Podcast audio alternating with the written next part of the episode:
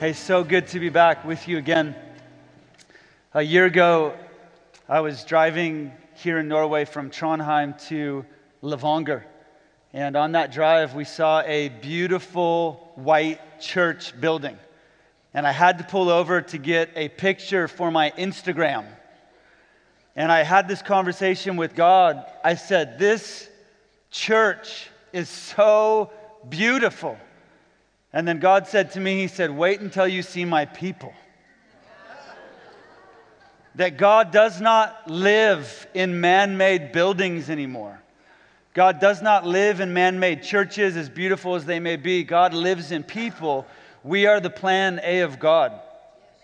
And it is not fair that I have to preach after Shaya. I really wish Eric was preaching right now.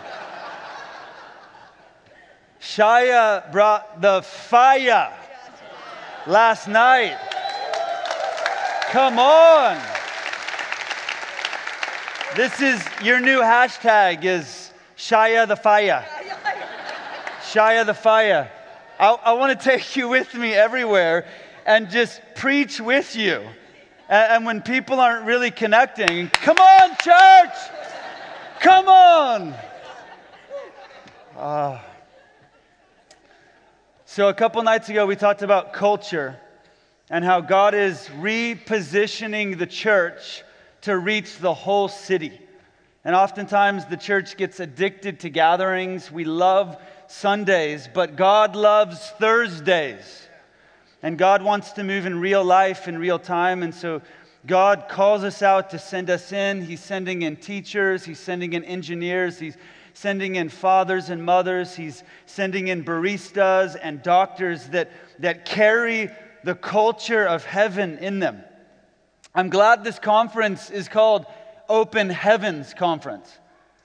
The problem is, many believers have cried out for an open heaven over their church, but they, they haven't asked for an open heaven over their city. And what we need, we need an open heaven not just over the church, we need an open heaven over hospitals, and an open heaven over families and homes, and an open heaven over campuses. And that God is sending people into culture to cultivate an open heaven wherever they go. And once you realize that you are the plan A of God, I always thought God's plan was somewhere else. I would ask God to do it over there or to rend the heavens. Once I realized that God moved into me, that revival lives in me, that Jesus lives in me, everywhere I go, God moves. Because the move of God is in me. God's not doing it somewhere else. God wants to move in and through his people. And if you allow God to do it in you, he can do it through you. If we're always expecting God to do it somewhere else, we won't actually see God move in and through our lives. And so we talked about culture. And today I want to talk about fathering and mothering. And it's something I believe God is doing in culture. It's something God's doing in the church, He's doing it in family, He's doing it in business. This isn't the message that I wanted to preach today. I told Elling that. I had another message on my heart, but as we've been worshiping and praying, I really sense this is what God's doing. And about a year ago, I was going to preach a message, and I didn't really feel like preaching the message. And God said to me, He said, Don't preach what you feel, preach what I'm doing. And I really sense this is what God is doing. So we just invite you, Holy Spirit. We invite you to come speak today. Come breathe in us so you could breathe through us. God, I'm asking that you do something in us today so that you can do it through us. God, I'm not preaching to these people today, I'm preaching through them today because the move of God can't end with us. We pray this in your name, Jesus. Amen. If you turn to 1 Samuel chapter 16 one chapter back from last time. A couple nights ago, we talked about David's encounter with Goliath. And now I want to talk about David's encounter with God. Before David faced Goliath, he learned to face God. And in 1 Samuel 16, verse 1, it says this Then God said to Samuel, who was a prophet, You've mourned long enough for Saul. I've rejected him as king of Israel. So fill your flask with oil and go to Bethlehem. Find a man named Jesse who lives there, for I've chosen one of his sons to be my next king. But Samuel asked, How can I do that? If Saul hears about it, he'll kill me. And God said, Take a heifer with you. Have you ever been afraid to do what God's called you to do? When you say yes to God, it will always lead you to the edge. If you're not facing fear in your life, I doubt you're following Jesus. Samuel says, I'm afraid, God. God says, take a heifer. So apparently, if you're ever afraid to do what God has called you to do, take a heifer. That's what the Bible says.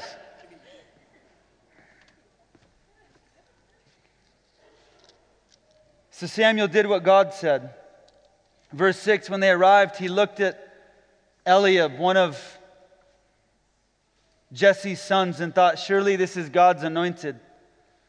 But the Lord said to Samuel, Don't judge by his appearance or height. I've rejected him. The Lord doesn't see things the way you see them. People judge by the outward appearance, but God sees the heart. Aren't you glad God sees the heart? That people judge the outward, but God sees something much deeper. And God says to Samuel, You're doing what men do. You've chosen the strongest, you've chosen the tallest, you've chosen the most spiritual, but I see the heart. And so all seven of Jesse's sons were brought to Samuel. And God said, None of these have I chosen to be my king. Then in verse 11, Samuel asked, Are these all the sons you have? Good question. They're still the youngest, Jesse replied, but he's out in the fields watching the sheep and the goats. He's the youngest. This word, youngest, it doesn't just mean he's the youngest in age. This was a word, a very awful term to mean he's not only the youngest, but he's also the least. And he's a shepherd, which was the least desired job in this culture. So David was the least of the least.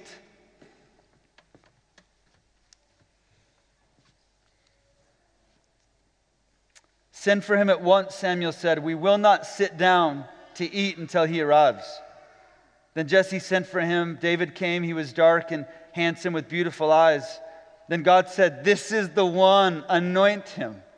So as David stood there among his brothers, Samuel took a flask of oil he had brought and anointed David with the oil. The Spirit of God came powerfully upon David from that day on. Isn't this every father's dream? Isn't this every mom's desire that the Spirit of God would come upon our sons and our daughters? Isn't this our greatest prayer that God would fill our sons and our daughters with His Spirit? The Spirit of God came upon young David. David wasn't even invited to the party. David's dad didn't believe in him, but God believed in him. Maybe your father didn't believe in you. Maybe your mom didn't see you. Maybe your spiritual leaders didn't believe in you, but God believes in you. And the Spirit of God came upon him. Um, Erica and I, we have four kids 8, 10, 12, and 14. Our 14 year old daughter came to Norway last year. Her name's Ava. She already has a strategy for her life to graduate high school in three years and move to Norway. I'm not kidding. She talks about it every day. I'm moving to Norway, Dad. So I'm, I'm here making friends. I will pay you to keep your eyes on her I'll pay you all.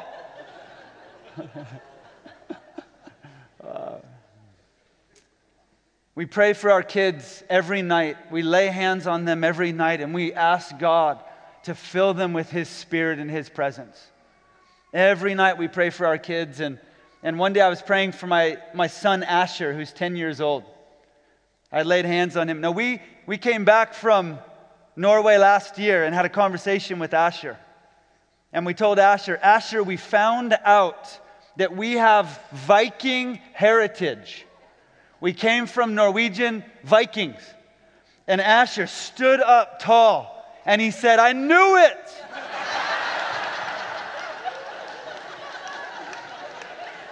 he said, I knew it, Dad. Now I know who I am. he is a warrior. we were teaching Asher how to hear from God something we call listening prayer. And one night we were praying with Asher, and we said, Asher, what do you see? He said, Dad, I see a puppy. We said, Well, what does the puppy look like? He said, The puppy's brown and cute and fluffy. And we said, Well, what do you think God is saying about the puppy? And he sat for a second. And he said, I think mom is supposed to buy me a puppy.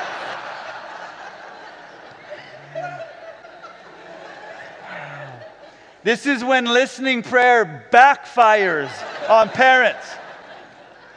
Help us, Jesus. The Spirit of God came upon David. God saw the king in David when no one else could see the king in David. God was calling David to become the king that God had created him to be. But here's the thing that's so beautiful about this story God can find David. And if God can find David, God can find you. And if God can find David in the field, God can find your sons and your daughters. God can find your parents. God can find your friends. If God can find, there's so much talk about us finding God. God finds us. If God can find Jacob by the river, if God can find Moses by the wilderness, if God can find Shadrach, Meshach, and Abednego in the fire, if God can find Paul on the road to Damascus, if God can find Peter by the shore, God can find you and God can find me. God found David and called David. But here's what's so beautiful when God finds David, he sends Samuel. When God sees David, he sends a Samuel to David. God is searching for a generation after his own heart. When he finds sons and daughters, he sends fathers and mothers. Whenever we're praying that the next generation would say yes to God, whenever a David says yes to God, God looks for a father or a mother saying yes to God. Too often we're asking God to do what God has asked us to do. We're saying, God, we want to send you to the next generation. And God's like, What? I'm sending you. When God found David, he sent Samuel. God found David. And what's so cool, God doesn't speak to David about David, God speaks to Samuel about David. Why wouldn't God just speak to David about David? Hey, David, I call you. He doesn't speak to David, he speaks to Samuel about David. God talks about us behind our backs. Oftentimes, God speaks to other people about us. It's called prophecy. He sends Samuel to David. God is searching for a generation after his own heart, and he's sending fathers and mothers who are brave enough to leave the comfort of the church to find the Davids in the fields. And the first thing that God says to Samuel is this You've mourned long enough for Saul. Samuel has been mourning, he's been grieving because he anointed his sons. And it says in the Bible, his sons were not like him. It's one of the most tragic verses in the Bible. They were greedy, they didn't love God, and they perverted justice. And then God sent Samuel to anoint the first king of Israel, King Saul. But Saul feared people more than he feared God. Saul feared the people he was supposed to be leading. When you're afraid of people, you can't lead people. If I'm afraid of you, I can't lead you. And Saul, he was afraid of men, so he couldn't lead people.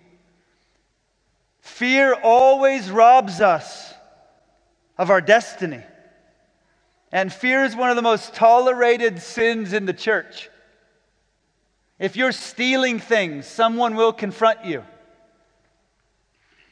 If you're treating people bad, someone will confront you. If you don't have integrity in your life, someone will confront you. But there are so many living in fear in the church, and we say nothing.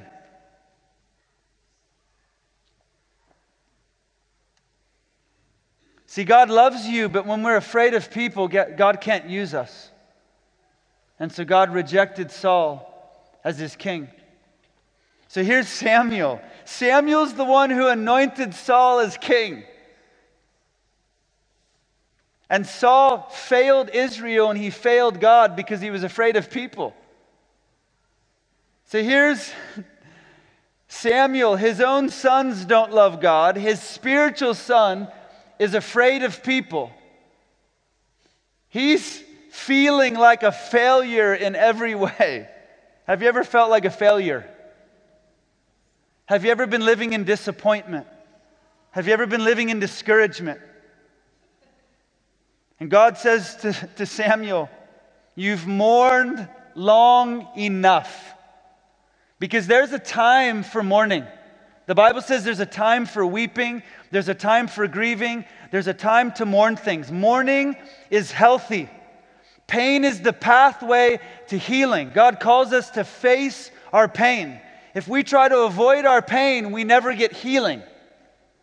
God doesn't heal us around suffering, He doesn't heal us around pain. God heals us through pain.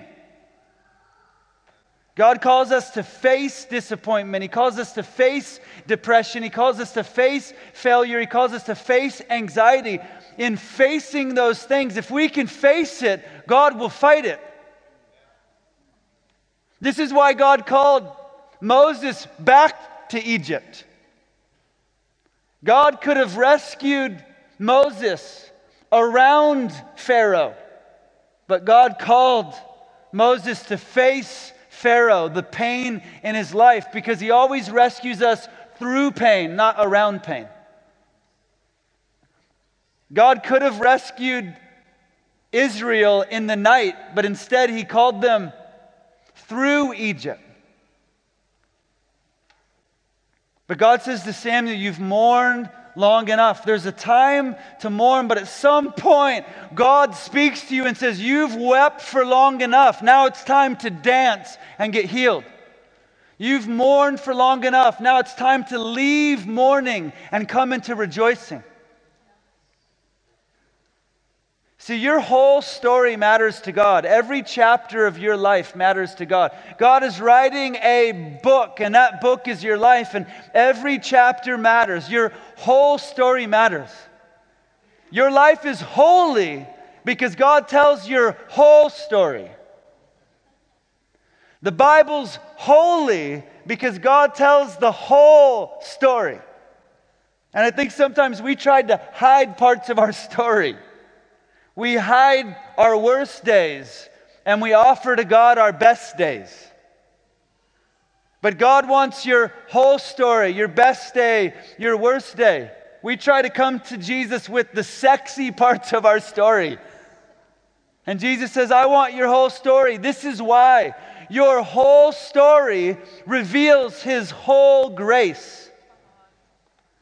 And if you don't offer the world your whole story, even the parts you want to hide, even the parts that look like failure, even the parts that look like suffering, even the parts that you're ashamed of, when we hide our story from God, from the world, we hide the world from God. Because God wants to reveal his whole grace through your whole story.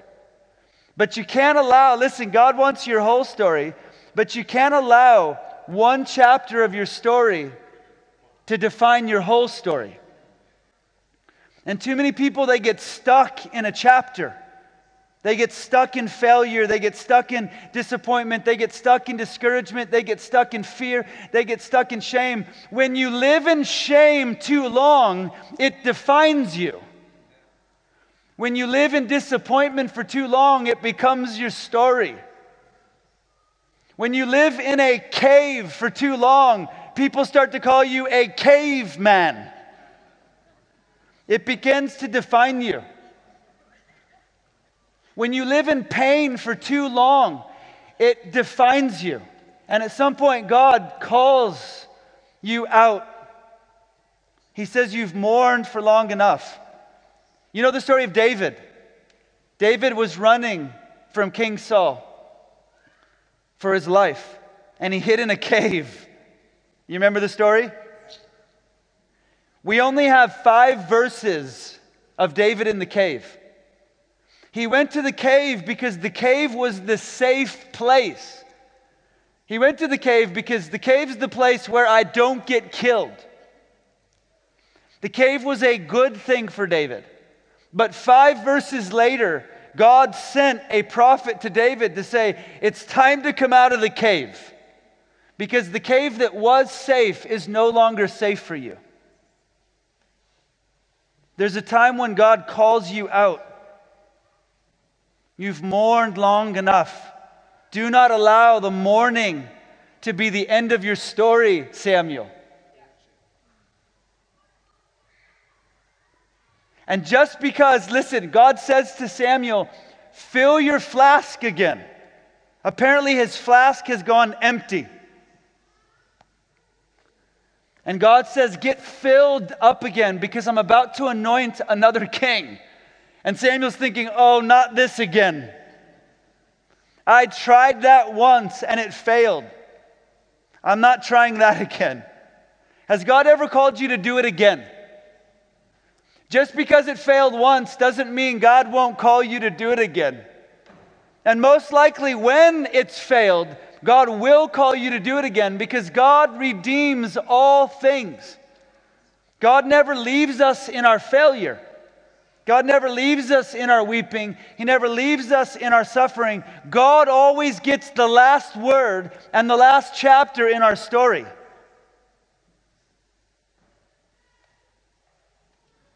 Has God ever called you to throw the same nets back in again? To pray for the same miracle again? To believe God for the same healing again? To go back to the same place again? To do the same thing again? Oh God, I tried to plant a church, but it failed. Well, then do it again. But throw your nets on the other side of the boat and watch what I can do. Fill your flask again. This is what God says to Samuel get filled up again because when I'm filled with God, I can see the Davids around me. When I'm filled with God's Spirit, I can see the next generation. When I'm empty, I can't see what God's doing. God says, Get filled with my spirit because when I'm filled with God, I can see with God. He says, You've mourned long enough, fill your flask. Find a man named Jesse who lives there, for I've chosen one of his sons to be my king. Now, this is such an interesting verse for me. God says to Samuel, Find a man named Jesse, for I've chosen one of his sons. And I'm reading this and I'm thinking, if God knows Jesse's name, why doesn't he know David's name? Why wouldn't God just say, skip Jesse? There's a young man named David. He's over there in the field. Go anoint him. Why would God say, Find a man named Jesse? I've chosen one of his sons.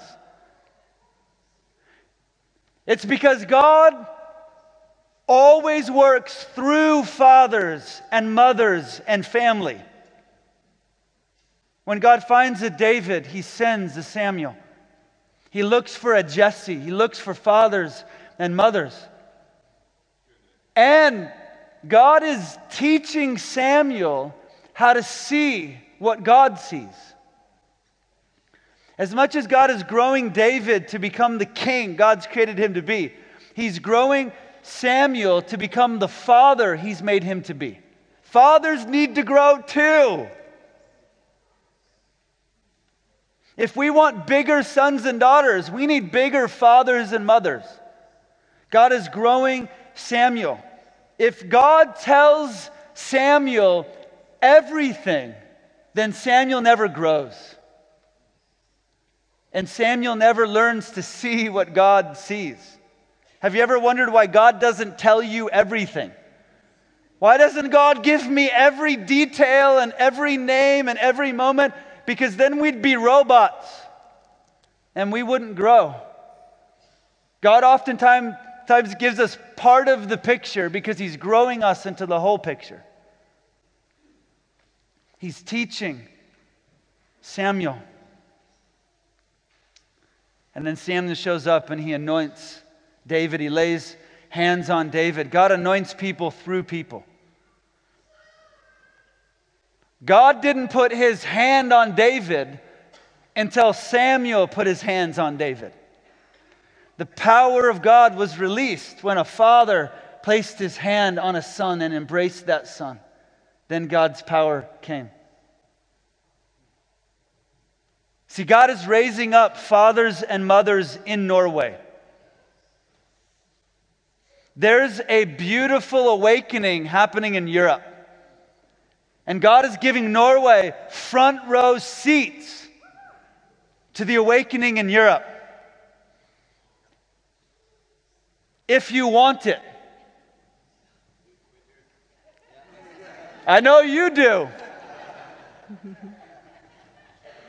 For those that want to see the awakening in Europe, God's giving Norway front row seats.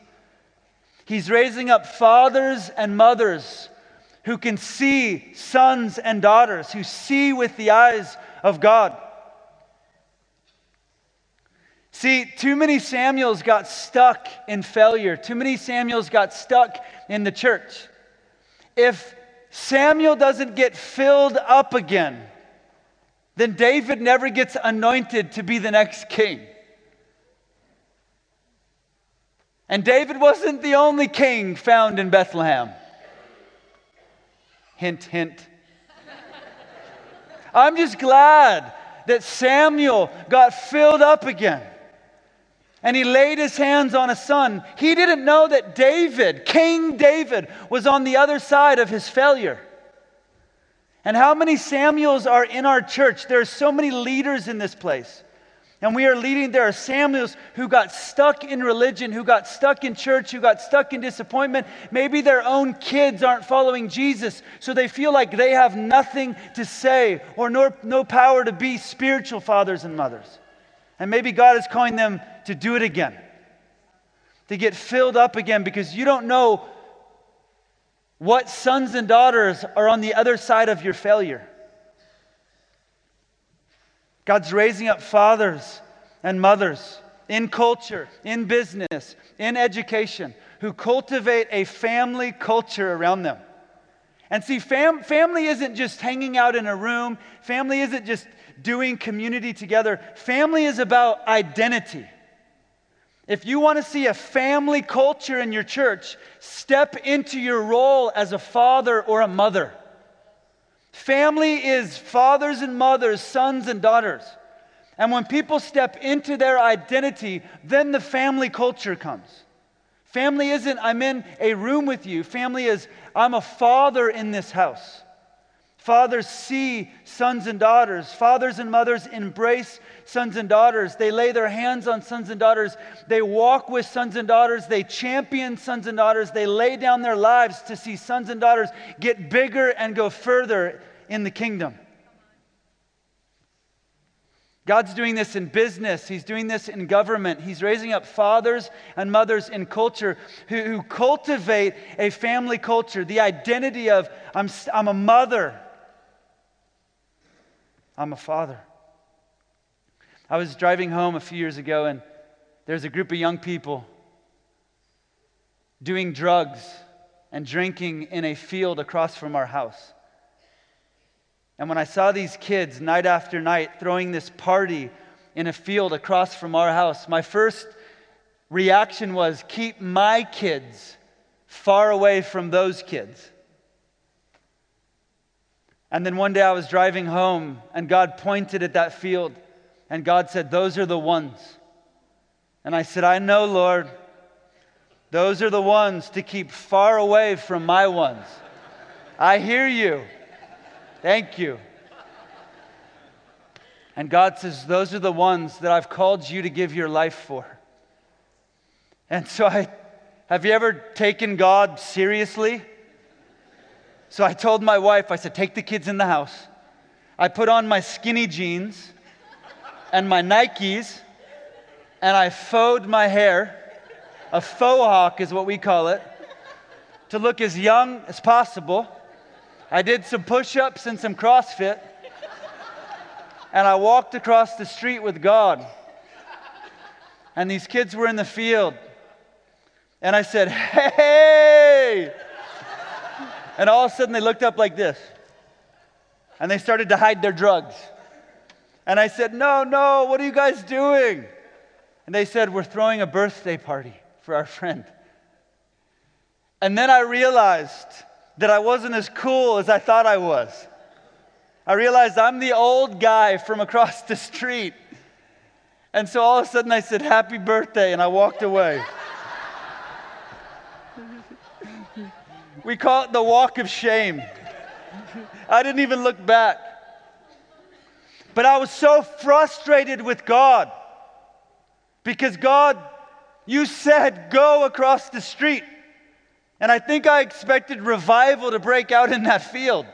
I don't know what I expected. I want to be your father. Come here, kids. Come here. Family hug. I love you. I love you. I love you. I don't know what I expected, but I was frustrated. And I, I, they were across the street, but they might as well have been across the world. Have you ever felt like that? Many of us have felt the call to father and mother, but we don't know how to do it. We don't know how to step into it. How do I step into a role as a father and a mother? Now, I'm not just talking about your own kids. Your own kids are your greatest disciples. Your, your kids, your flesh and blood kids, should get the best of you. We need good fathers and good mothers to raise big, great sons and daughters. But my wife and I, we have, we have four kids, in, in the Bible, in Genesis, the first command in the Bible is to be fruitful and multiply. So, my wife and I, we're being biblical. we're filling the earth and multiplying. So, we have four kids, which is different than your grandma who had 17 kids, right? 17. Wow. Very biblical.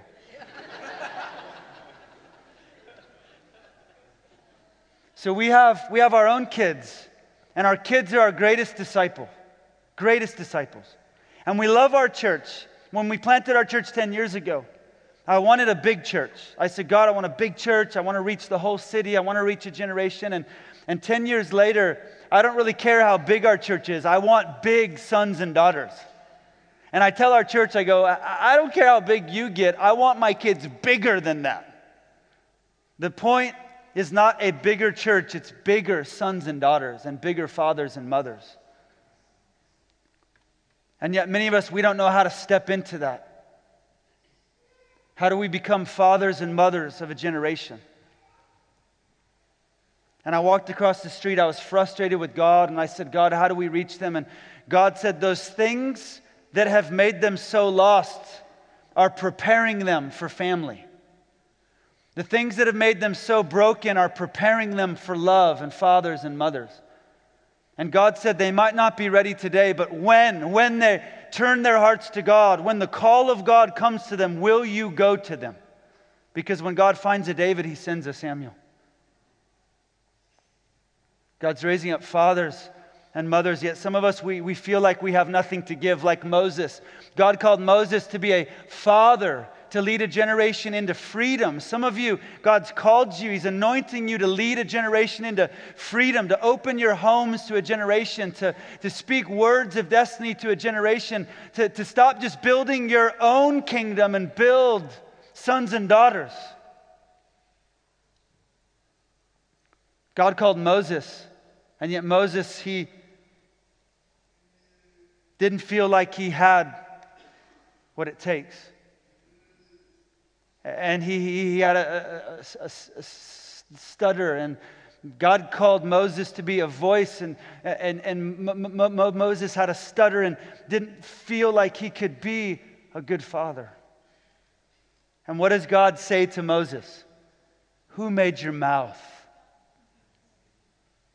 When I called you to be a voice, I knew you had a stutter because I made your mouth. And then Moses said, I don't have anything. I, how can I do this? How can I father a generation? I'm, I, have I've blown it. I've messed up. I've killed a man. I, you know my past. I, I have nothing. And what did God say to Moses?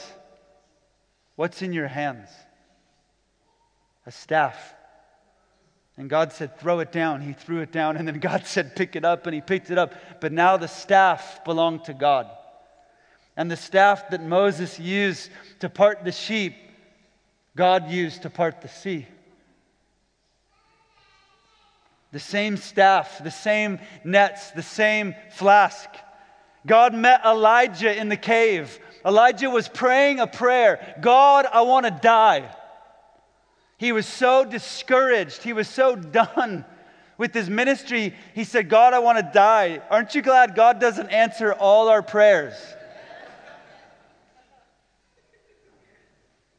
And then he said, God, I'm done. I'm done. And God said, Yeah, you are done.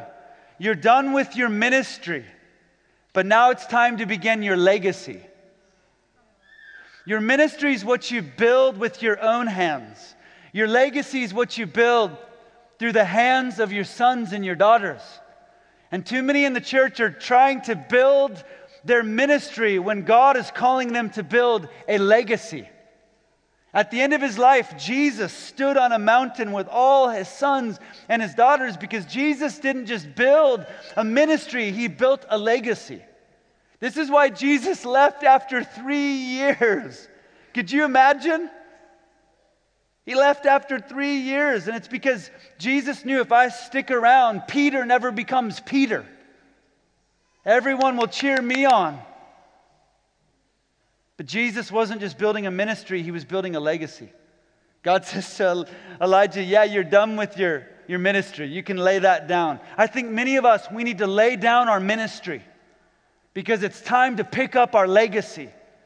It's time to find those sons and daughters that, that God is calling in Norway. The future of Norway is not in your strategy, it's in your sons and your daughters. I think a good question to ask is where is the future of the Church of Norway? Is it out there somewhere? Is it in strategy? Is it in good initiatives? Or is the future of this movement in sons and daughters? Because if the future of Norway is in sons and daughters, they should be getting the best of what you have. Fill your flask again. If I can invite the worship team to come.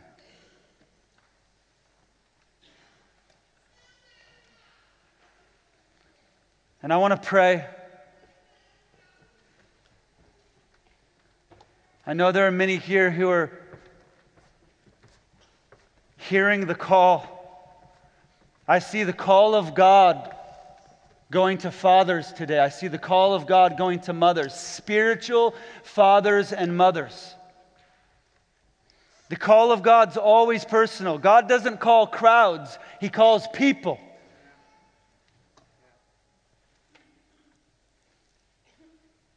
If you're here today and you sense just the fire of God, the, the, the whisper of God, the call of God to become a father in Norway, to become a mother in Norway, maybe in business, maybe in government, maybe in film, maybe in the arts, maybe in the church, maybe in your neighborhood, maybe in your family, if you sense that call, if you would stand right now, I want to pray for you.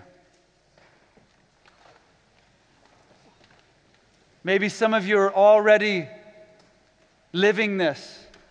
Maybe some of you, this is the first time you've said yes to this. If you put your hands out, Holy Spirit, come. I believe God's speaking to many of us. You've mourned long enough. You've grieved long enough. You've hid long enough. There are many of us, He's calling us out of a chapter into a new chapter. I, I see Jesus closing the old chapter, and He has a pen in His hand, and He's about to write the new chapter. We say, Holy Spirit, come. How many of you sense God calling you out of a chapter into a new chapter, put your hand up. You sense God saying, You've mourned long enough.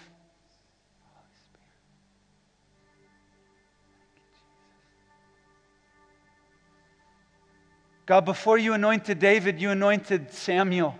He got filled up with your Holy Spirit. God, I ask for an anointing on fathers and mothers in this place.